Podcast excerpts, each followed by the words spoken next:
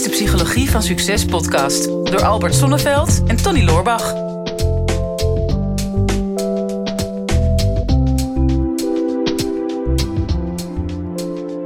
Ja, lieve kijkers en luisteraars, wij zitten uh, wederom alweer voor de tweede keer met een uh, commando uh, aan tafel. Ja. Wij hebben een hele hoge commando-dichtheid. Ja, volgens mij kunnen we dit wel een commandopost gaan noemen onderhand. Ja.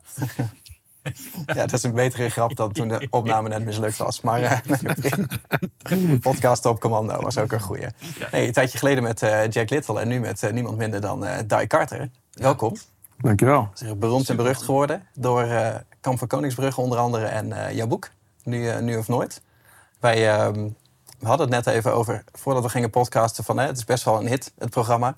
Ik, ik ben er ook helemaal aan verslaafd. En ik merk dat als ik kijk, en ik denk dat een heleboel andere mensen dat hebben, dat je zelf heel erg de behoefte krijgt om ook afgebeuld te worden. En zeg maar tot fysiek tot het gaatje te gaan, wat een hele rare behoefte is. Ja, masochisme heet dat in de psychologie. Ja, dat denk ik, ja. Maar wat, wat denk jij dat dat door komt, die behoefte bij mensen, of dat het programma zo succesvol is?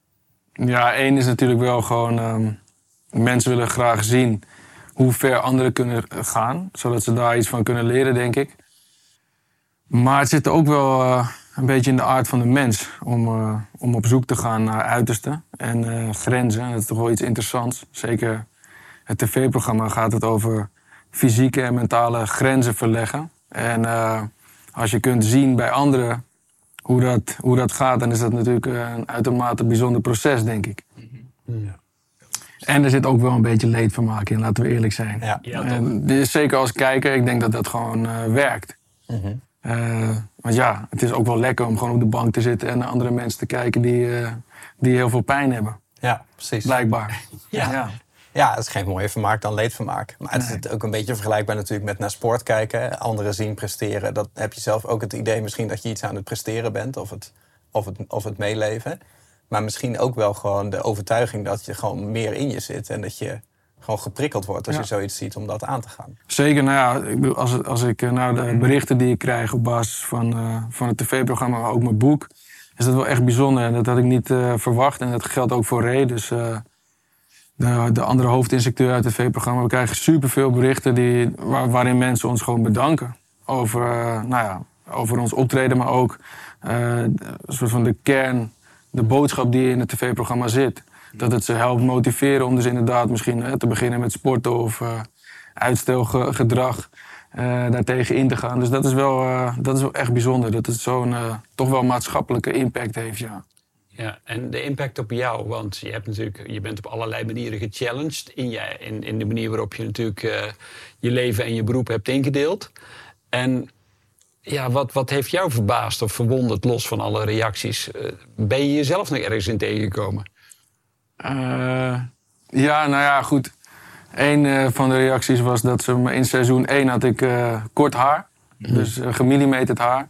En nu wat langer. Dus daar heb ik veel reacties op gehad. Dus de ene vindt het toch iets beter dat ik kort haar heb dan lang haar. Oh. Nee, maar daar heeft, er natuurlijk daar heeft er niks mee te maken. Maar dat soort dingen krijg je dan wel. Yeah. Nou ja, waar ik ik denk waar een verschil in zit, en het zit ook gewoon in, uh, in de zelfreflectie die ik heb moeten toepassen voor het boek. Mm. Uh, ja, negen maanden mezelf opsluiten terwijl mijn zoontje net was geboren. Dat heeft ook wat veranderd, denk ik, in mijn staat van zijn, dus het vaderschap. En de manier waarop ik uh, mezelf voortbeweeg, dat, dat heb ik ook wel teruggekregen van veel mensen. En dat voel ik ook echt zo. Hoe bedoel je voortbeweegt? Ja, nou ja, gewoon de manier waarop ik mezelf uh, uit of presenteer. Of, of hoe ik communiceer met, uh, met andere mensen. Ja. En het heeft wel, uh, ja, toch wel stiekem wat teweeg gebracht, zeg maar. In, in, in ja, hoe, hoe, hoe ik nu in het leven sta. en dat krijg ik dan dus ook terug. En ehm, dat is ook wel mooi om te zien, denk ik, ja. Ja. ja het is voor mij nog een beetje vaag daar. Wat is er echt veranderd in jou? ja, er zijn veel dingen veranderd. Er zijn misschien, weet Pak er eens één uit. Oké, ja, dat is misschien. Ja, er zijn, in, er zijn veel dingen veranderd. Maar nou ja, goed, in, in, uh, in hele korte tijd zijn er gewoon uh, meerdere levensveranderende situaties ontstaan. Ja, ja. Dus als ik het heb over, nou ja, 2019 ben ik weggegaan bij het Korps Commandotroepen. Toen ben ik gaan ondernemen. Dat was al een hele stap, omdat ik gewoon ja, vanaf mijn zeventiende militair was. Uh, dus ik ben volwassen geworden bij Defensie. Ik ben volwassen geworden bij het Korps Commandotroep. Ik was 20 toen ik mijn groene beret haalde. En om dat dan achter je te laten, iets waar je zoveel van je identiteit aan ophangt, dat is best wel heftig. En, ehm, en, en als je dan dus de, als het ware de burgermaatschappij instapt, ja, dan weet niemand, ja oké, ze weten dat je commando bent, of niet. Maar ze weten niet zo goed wat het precies inhoudt. Nee. En eh, ja, je, je wordt eigenlijk weer ja, de beginner als het ware. Dus je, je wordt geforceerd op de, de, de beginnende stoel neergezet. En van daaruit moet je een beetje weer opkrabbelen, opbouwen. Dus dat is één. Een andere hele belangrijke en, en wat, wat van grote invloed is geweest, is vanuit nou ja, de schaduw. Dus hè, ik, ben eh, altijd, ja, ik ging op geheime missie en eh, ik kon nooit echt praten over het werk wat ik deed. Vanuit die schaduw in het licht treden. En dat is voor types nou, zoals ik en, en eh, de, mijn commandobroeders toch ook wel een behoorlijke stap. Want eigenlijk is dat niet echt iets wat je doet of zo. Eh, ja, toch een beetje van je verwacht dat je, nou ja, hoe zal ik het zeggen, de inheimelijkheid blijft. Zeker. En, en niet zozeer praat en open bent over de soorten type missies die je hebt gedaan en de ervaringen die je hebt gehad. Eh, want dat, ja, het hoort niet echt bij hetgene wat je doet. Dus als je dan naar buiten treedt, is dat ook een behoorlijke stap. Hm. Eh, in in eh, nou, levensveranderend, voor mij geweest in ieder geval. Vaderschap. Ja. Vaderschap is echt een hele grote. En een, een thema wat natuurlijk gewoon nou ja, elke dag nu voor mij leeft. Ja, want even als ik je onderbreek is, denk ja, je wordt getraind om alles onder controle te hebben. Hè? Tenminste, zoveel mogelijk of om te gaan met de situatie en, en die weer zo snel mogelijk te controleren. Maar vaderschap laat zich niet zo snel controleren worden. Nee, nou het, het is niet zozeer het controleren. Ik denk dat je vooral wordt getraind om met eh, onvoorziene situaties om te gaan. Ja. En, ehm, en, en daar leer je dan ook eh, bepaalde tools in. En die, je- die je kunt gebruiken in, in verschillende soorten situaties. Dus dat hele onvoorziene van het vaderschap, dat vind ik juist eigenlijk ook wel interessant. Dat vind ik wel uitdagend als het ware. Hm. En ik merk ook dat ik dat, eh, dat, ik dat leuk vind. Ik geniet er ook wel van. Ja. Ja. Hey, en eh, op een gegeven moment dan ga je dus wel in het licht treden door überhaupt door een boek te schrijven of onder andere. Jezelf eh, zeven maanden opsluiten. Zijn? Negen maanden. Negen maanden. Ja. Eh, gedurende de zwangerschap misschien niet in de buurt zijn. Nou, het was, ik, ik had de pitch gedaan ehm, toen hij net geboren was. Dus echt eh, twee weken voordat hij geboren werd. En toen werd hij geboren en toen moest ik dus gaan schrijven. Oh, ja. Want dat was wel een concept, maar dat was geen boek. Ja. Dus dat is eh, ja, negen maanden lang toch wel... Even denken. Nou, negen maanden lang dagen van 16 tot 18 uur gemaakt. Hm. Eh, waarbij ook best wel veel op, mijn, eh, ja, op, op het bord van mijn vriendin viel. Want zij moest de nachten doen. En soms zat ik zo in die flow, dan kwam ze om drie uur s'nachts beneden. Ze zei, eh, het is drie uur s'nachts. Oh, ja, dan, eh, dan doe ik maar de laptop dicht en dan moet ik maar gaan slapen. En vervolgens word je om vijf uur weer wakker gemaakt, ja.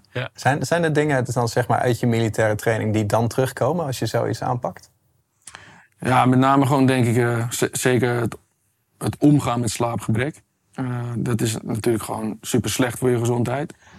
Ehm, maar ik herkende het gevoel wel. Dus door alle uitputtende dingen die ik ooit wel eens heb meegemaakt, kon ik het wel gewoon plaatsen. Kan ik ook plaatsen dat, dat een, een bepaalde emotie die ik voel, dus als ik eerder wat geïrriteerd ben of boosheid of verdriet, dan weet ik wel waardoor het komt.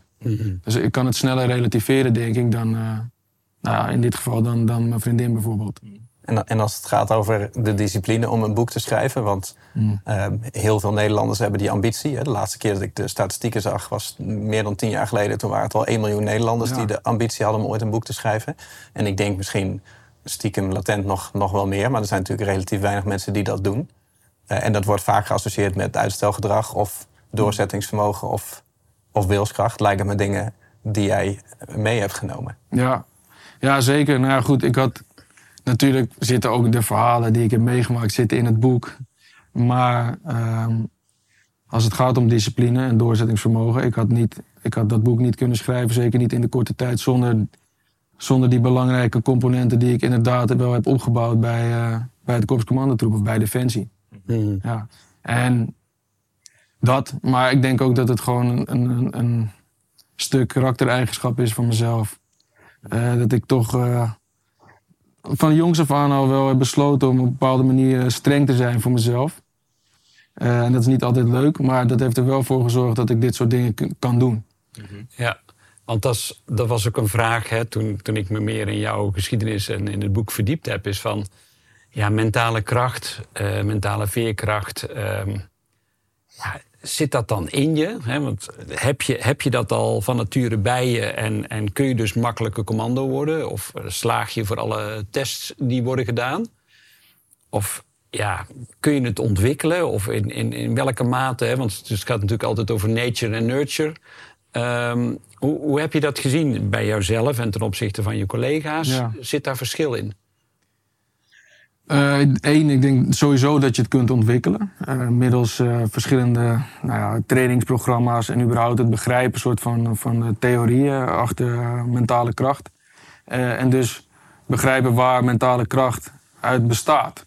Maar ook begrijpen wat het verschil is tussen veerkracht en weerbaarheid. En, en discipline en leiderschap. En al die verschillende componenten die voor mij binnen mentale kracht passen.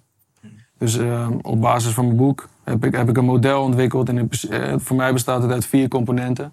Dus het is fysiek, het is cognitief, het is emotioneel en het is spiritueel. Hmm. Nou, en daar kun je weer andere dingen aan vasthangen. Um, maar ik denk dus door, door één, educatie en integratie van eigenlijk de, de, de theorie die erachter zit en, en de tools die eraan vasthangen, kun je begrijpen wat het is. En kun je het dus ook onderdeel maken van je leven. En niet alleen als militair, maar ook gewoon voor iedereen. Uh, maar wat ik dan wel herken bij mezelf en uh, bij mijn, uh, ja, mijn oud-collega, mijn broeders, mijn commando-broeders, om het zo maar te zeggen, is dat de meesten toch wel toch wil komen uit toch vaak lastige periodes in hun jeugd. Niet altijd de, de liefste jongetjes geweest. Dus, dus, dus ja. en dat met, met bepaalde redenen die daar natuurlijk bij zitten. Dus dat stuk weerbaarheid hebben ze al. En, en dan spreek ik ook voor mezelf toch al wel vanaf jonge leeftijd opgebouwd. Maar eerder als een soort panzer. Eerder als een soort van beschermlaag. Uh, zodat ze kunnen doorgaan met uh, de moeilijkheden of problemen van het leven. Mm -hmm. uh, en veerkracht, een soort van het terugveren na een gebeurtenis, dat is vaak iets wat minder goed is ontwikkeld. Ja. Maar dat kun je dus wel ontwikkelen als je begrijpt waar het uit bestaat. Ja, ja. En, en waar bestaat het uit volgens jou? Nou, en, en dan, ik heb me best wel verdiept in de Amerikaanse literatuur op dit gebied. En um, en um, dan, dan kom je terug bij uh, Martin Seligman. Dat is uh, een van de grondleggers van de positieve psychologie.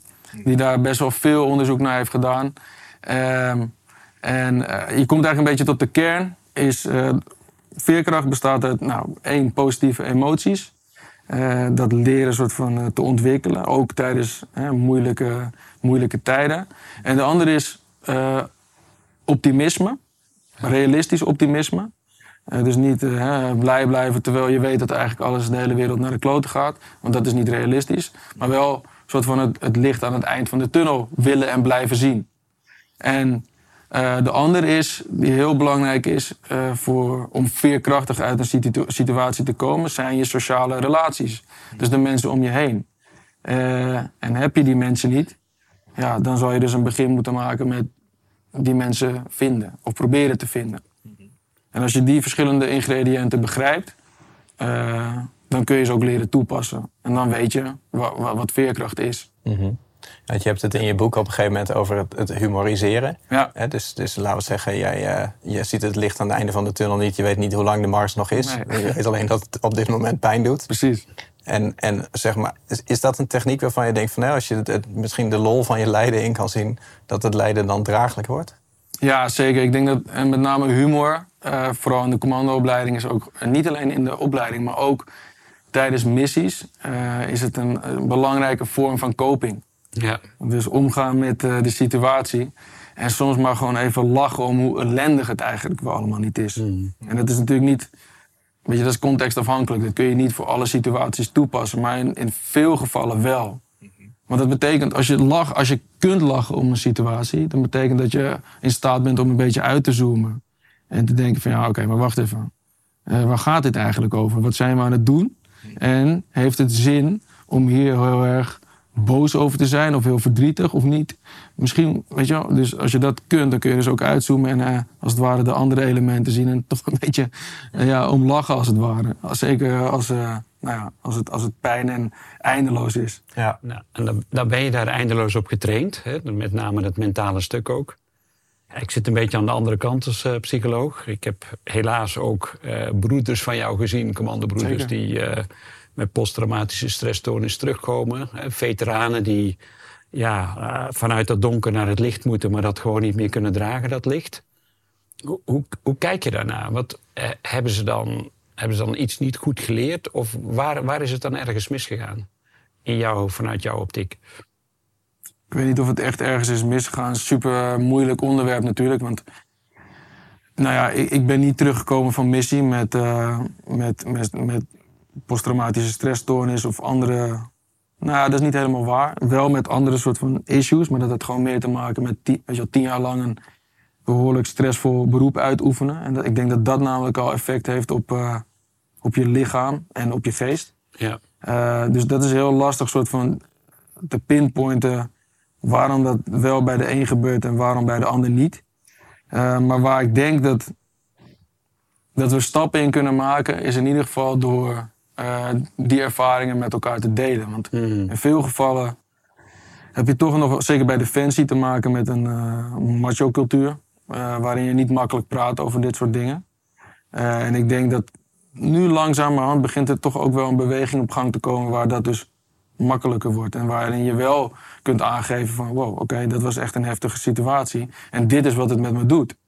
Mhm. Ehm, dus nou ja, ik zou niet willen zeggen misgaan, maar eh, ik denk wel dat, dat we als nou, dat, de, dat de organisatie en ik als individu, omdat ik merk dat ik daar invloed op uit kan oefenen. In, in mijn persoonlijk leiderschap vind ik dat ik daar dus iets over kan vertellen.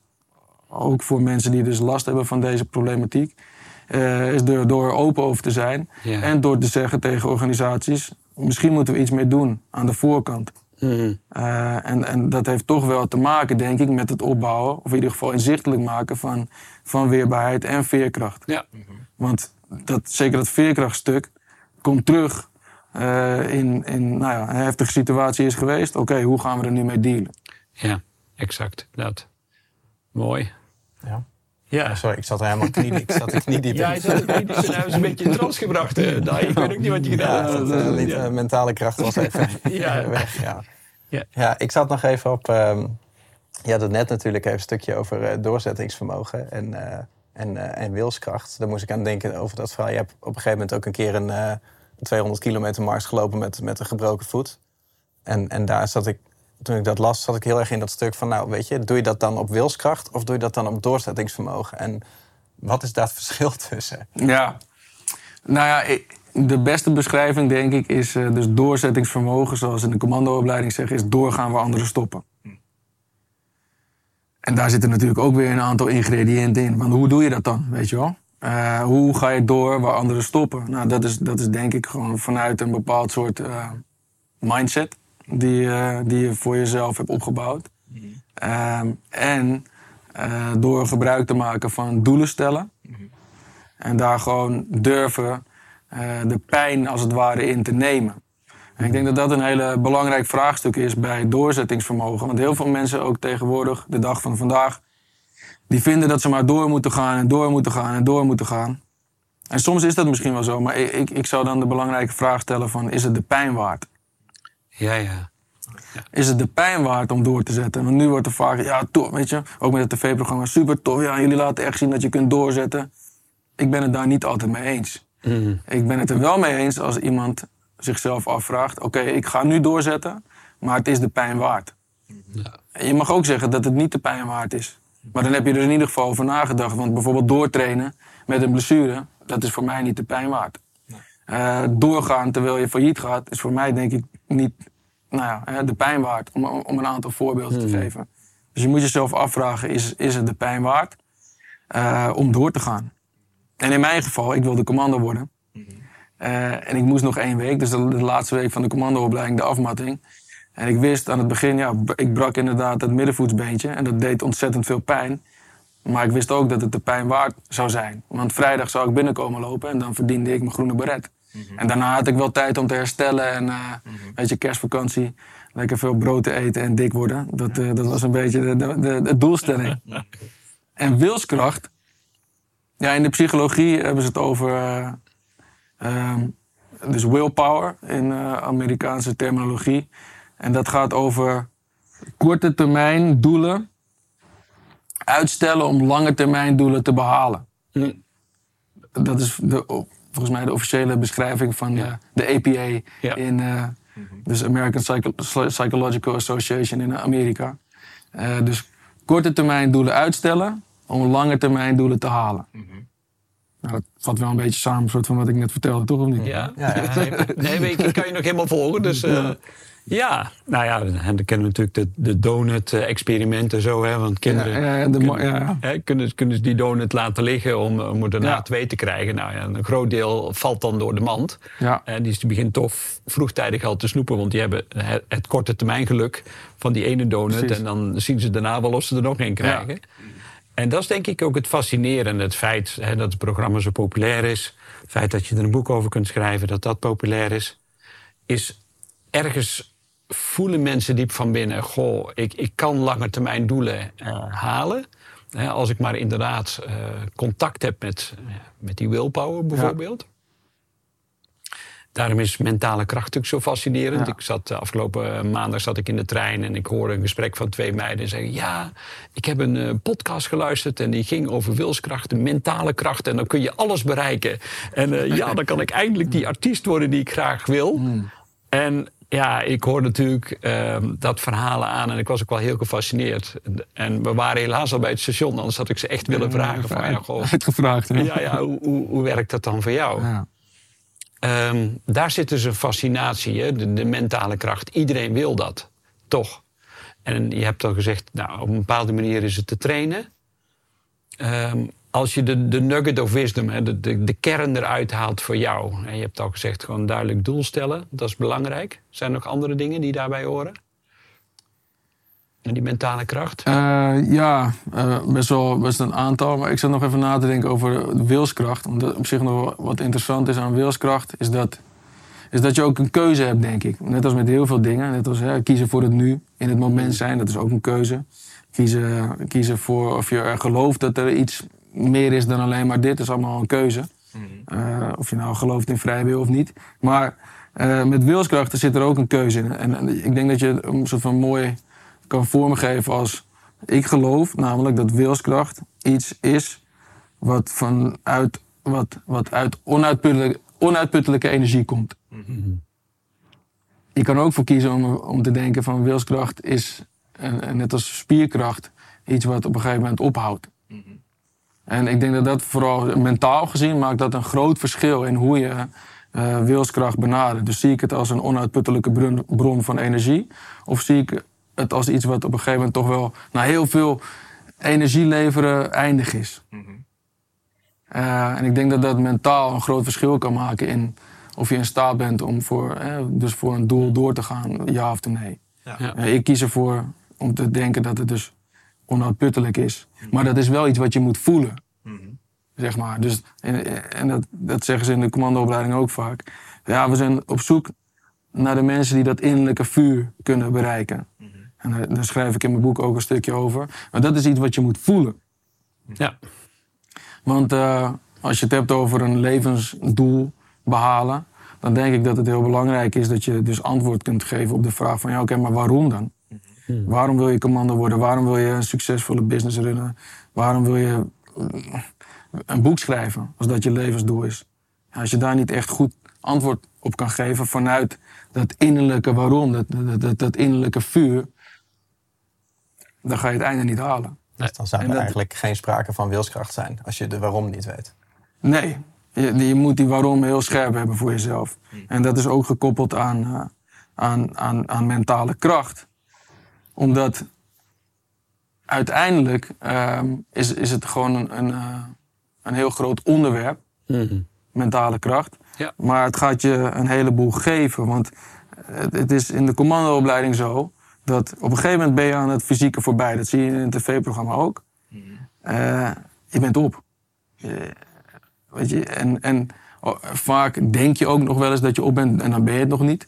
Maar als je daar voorbij gaat en daar voorbij gaat en je gaat elke keer die grens over, op een gegeven moment voel je gewoon al dat fysieke, dat, dat, dat stroomt op een gegeven moment weg. En het enige wat overblijft, dus de reden dat maar 10% die opleiding haalt, of minder, is omdat ze mentale kracht hebben op de een of andere manier. En, en dat is wat ik gewoon zo graag mogen, of zo goed mogelijk wilde doen, is beschrijven, oké, maar waar bestaat dan mentale kracht uit? Ehm, zodat je het kunt toepassen in, in je eigen leven. En niet per se alleen maar voor een levensdoel, maar gewoon eh, voor alles. En, in, en dus ook eh, nou ja, in het nu zijn. Want ehm, ja, je, je zegt ook een van de onderdelen is ook spiritualiteit. Ja. Nou, daar ga ik altijd helemaal op aan, op dat woord. Ja. Dat vind ik helemaal geweldig. En ik, op een of andere manier kreeg ik de associatie met eh, astronauten... die ook zo'n training krijgen en, en tot het extreme gaan... en uiteindelijk gaan ze door de damkring en dan eh, richting de maan bijvoorbeeld. En bijna als je die autobiografieën leest eh, van, die, van die astronauten... zeggen ja, ik was nooit zo spiritueel... maar toen ik eenmaal de aarde hè, vanaf, vanaf Ja. het heelal zag... toen kreeg ik een soort awakening. Toen, toen, toen zag ik in één keer, besefte ik dat ik onderdeel was van iets wat veel groter was Ja. eh, dan, dan dat ik ooit gedacht had. Ja. Hoe is dat bij jou gegaan? Was, was dat van kinds af aan aanwezig? Of heb je wel zoiets dat je, dat je er zo doorheen zat en de zoveelste laag en de zoveelste laag en de zoveelste laag had doorbroken? Kwam je toen in een soort spirituele ervaring of, of zat dat anders? Nee, dat zat voor mij wel jonger. En dat had dus te maken met. ehm, ik zei het in de voorbespreking een stukje. eh, Mijn interesse in ehm, Oosterse filosofie en eh, geneeswijze en eh, martial arts, dus de, de, de Chinese vechtkunsten. En daar, nou, daar ben ik mee begonnen toen ik een jaartje of acht was. En zo raakte ik ook geïnteresseerd in Oosterse filosofie.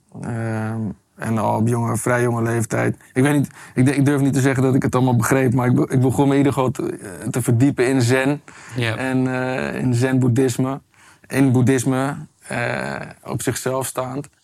Ehm, en daar, daar is dat een beetje gegroeid en daar is dat, dat ontstaan. En heb ik ook, weet je, begon ik een beetje met mediteren. En dat had toch wel te maken, denk ik, met het gevoel wat het me gaf. Dus vooral ook voelen van, oh ja, dit, dit, dit doet iets met me, weet je wel. Daar, daarmee bezig zijn, maar dus ook een moment nemen om een soort van focus te pakken of eh, te, te letten op mijn ademhaling. Dus dat, ja, dat heeft me wel altijd eh, geïnteresseerd. En dat is, dat is alleen maar gegroeid eh, naarmate de jaren zich vorderden. Was daar ruimte voor binnen Defensie? Of was, was dat een no-go? Nou ja, ik moet eerlijk bekennen dat, dat die tien jaar bij, bij het Korps Commandotroepen en daarvoor drie jaar bij Luchtmobiel, op missie gaan, op oefening, ehm, dat ik daar niet echt mee bezig was. Nee. En dat ik dat voor een groot gedeelte ben vergeten. En dat is pas iets wat terug is gekomen de laatste drie jaar. Dat ik daar weer meer mee bezig ben. Eh, en ook zeker in het schrijven van mijn boek in die, in die periode van zelfreflectie eh, ook veel omhoog is gekomen. Ehm, en dus dat het ook een belangrijker iets is geworden voor mij om, om daar meer mee bezig te zijn. Ja. Ja, Tony. je- ik ik weet- je, jij hebt echt iets, je hebt een invloed op hem. Ik weet niet wat er gebeurt. Normaal ik word gesproken. heel rustig van Ja, jou. ja, ja, ja. Normaal loopt hij gewoon de oren van je Net kop. even een seconde langer om een nieuwe vraag te stellen. Maar jij zit gewoon heel gehaast. Ja. Nee, het valt wel, het valt wel mee. Hey, als, het, eh, als het praktisch maken, hè, daar ben ik meestal voor. Ja. Jij maakt het zweverig en ik maak het praktisch. Ja, ja, we zijn lekkere combi. Goeie duo, ja. Echt Ja, eh, yin zeker. en yang. Dit, dit, ja. Hè, maar, hè, want we hebben natuurlijk al wel een paar dingen gehad over hè, het, het, het leven na, na het, het korpscommandotroepen... als het gaat over een boek schrijven en, en, en dat soort dingen. Maar hoe, hoe zou je het aanpakken, zeg maar... ehm, voor de gewone stervelingen die dit willen trainen? hè? Zo'n militaire mindset of, of een mentale kracht... zonder daarvoor een commandoopleiding te gaan doen. En wat zijn de dingen die je nou gewoon zelf kan doen... op een hele simpele manier om hier in dit een beetje te vormen? Ja. Lees het boek. Lees mijn boek, Ja, ja, heb, heb ik gedaan. natuurlijk. Ja, nee. Maar- Nou ja, ehm, kijk, ik gebruik nu het, eh, in mijn boek ook vooral ook persoonlijke verhalen die ik beschrijf. En dat- Maar dat koppel ik dan aan dingen die, eh, thema's zoals discipline, broederschap. En, en, en dat heeft allemaal dus te maken met die mentale kracht. Maar ik denk dat het vooral interessant is voor eh, mensen die dus eh, interesse hebben in dit eh, onderwerp, mentale kracht, is door gewoon een beetje te gaan experimenteren. Dus dat, dat betekent enerzijds uitproberen van verschillende dingen, zoals bijvoorbeeld nou, hè, meditatie, als het gaat toch om wat spirituele kant, of mindfulness. Is het belangrijk dat je gewoon toch een beetje die, die ja, het, het experiment in jezelf opzoekt om, de, om, om dat te doen. Ehm, ja, voor mij, maar dat geldt niet voor iedereen, is toch wel ook wel een belangrijke bezig zijn met, eh, en dat is dan weer die, die fysieke component. Dus slaap, voeding, beweging en wat vaak wordt vergeten, herstel. Dus hoe ga ik herstellen? Weet je wel, of na een zware week werken. Eh, nou, naar mijn mening is dat niet door eh, vijf dagen in de week jezelf helemaal lens te slaan met een zaktraining, wat toch volgens mij best wel veel mensen nu doen. Dus op een andere manier te gaan kijken naar hoe, ja, hoe, leef, hoe richt ik mijn leven in en wat is het effect daarvan op mijn bewustzijn. En als je daarmee begint, dan is dat al een stap zetten, denk ik, in de juiste richting van ja, je interesseren in wat mentale kracht is en, en manieren bedenken hoe je, hoe je het kunt integreren in je leven. En wat- Heb jij daar nog inzichten in gehad, zeg maar, de afgelopen tijd? Eigenlijk in het, het nieuwe leven, in het licht wat je nu hebt? Je daar eigenlijk andere dingen uit hebt gehaald voor, eh, voor deze principes? Nou, ik moet echt eerlijk bekennen ook dat het summum wel gewoon... dat ik dat in mijn boek heb gestopt. Ehm, maar ja, in die zin ook wel eh, tot het inzicht gekomen... dat het schrijven was zo'n gefocuste periode... ehm, dat, ik, dat ik er ook wel achter ben dat het ook voor mij toch wel meer een leidraad is.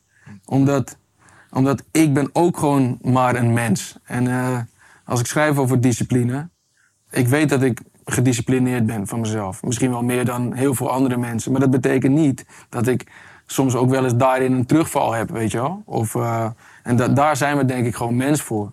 Dus voor mij eh, is, is mentale kracht ook gewoon een manier om te navigeren...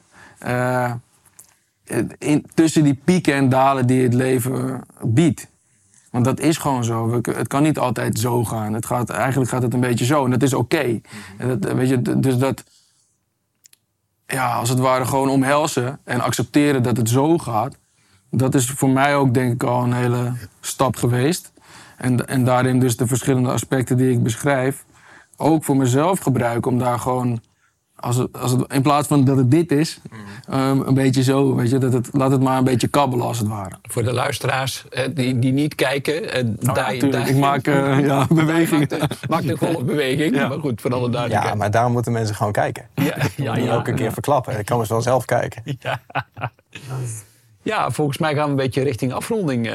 Ja, want eh, je vat het natuurlijk samen. Het summum staat in je boek. En eh, dus, dus eigenlijk is dit gewoon ook een beetje een handleiding voor jezelf geworden dan, Ja. als ik het begrijp. Ja, zeker. Dus, Ja, dus dat je het af en toe ook zelf nog even terugleest om te kijken Ja. hoe het ook alweer eh, hoe het ook ja nee, zeker. Maar het, is, het is ook een... Nou ja, in het begin...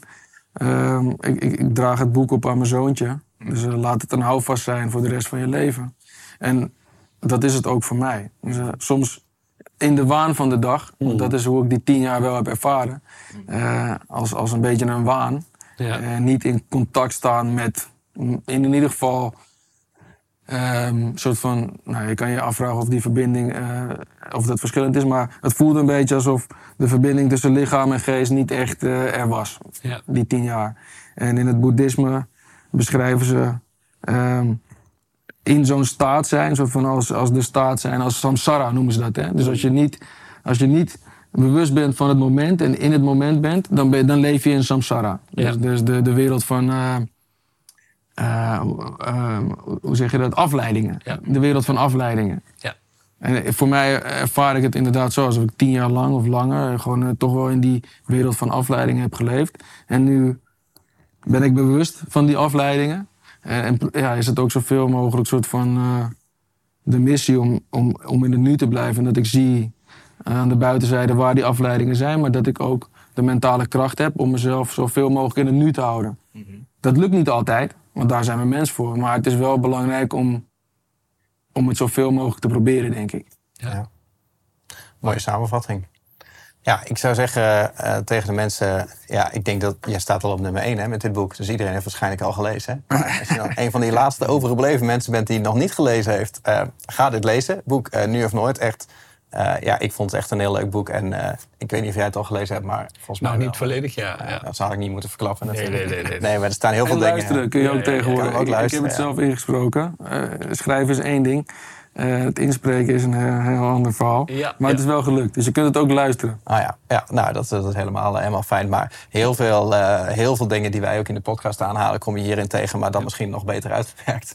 Maar eh, ja, ik zou zeggen, ga hem, eh, ga hem lezen. En we geven natuurlijk een paar weg. Dus als je onze podcast al een tijdje volgt, dan eh, weet je dat eh, ja, je zo'n boek kan eh, winnen.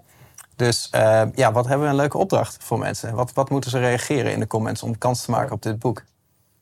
Eh, oh, dat is misschien. Dus afsluiten met een soort van challenge of zo. Ja, precies. Eh, nou, dan is het toch wel mooi om eh, nu of nooit een beetje meer in het nu te komen. Maar probeer, eh, probeer misschien met een app eh, toch eh, dagelijks iets, al is het maar vijf minuten, misschien een ademhalingsoefening te doen.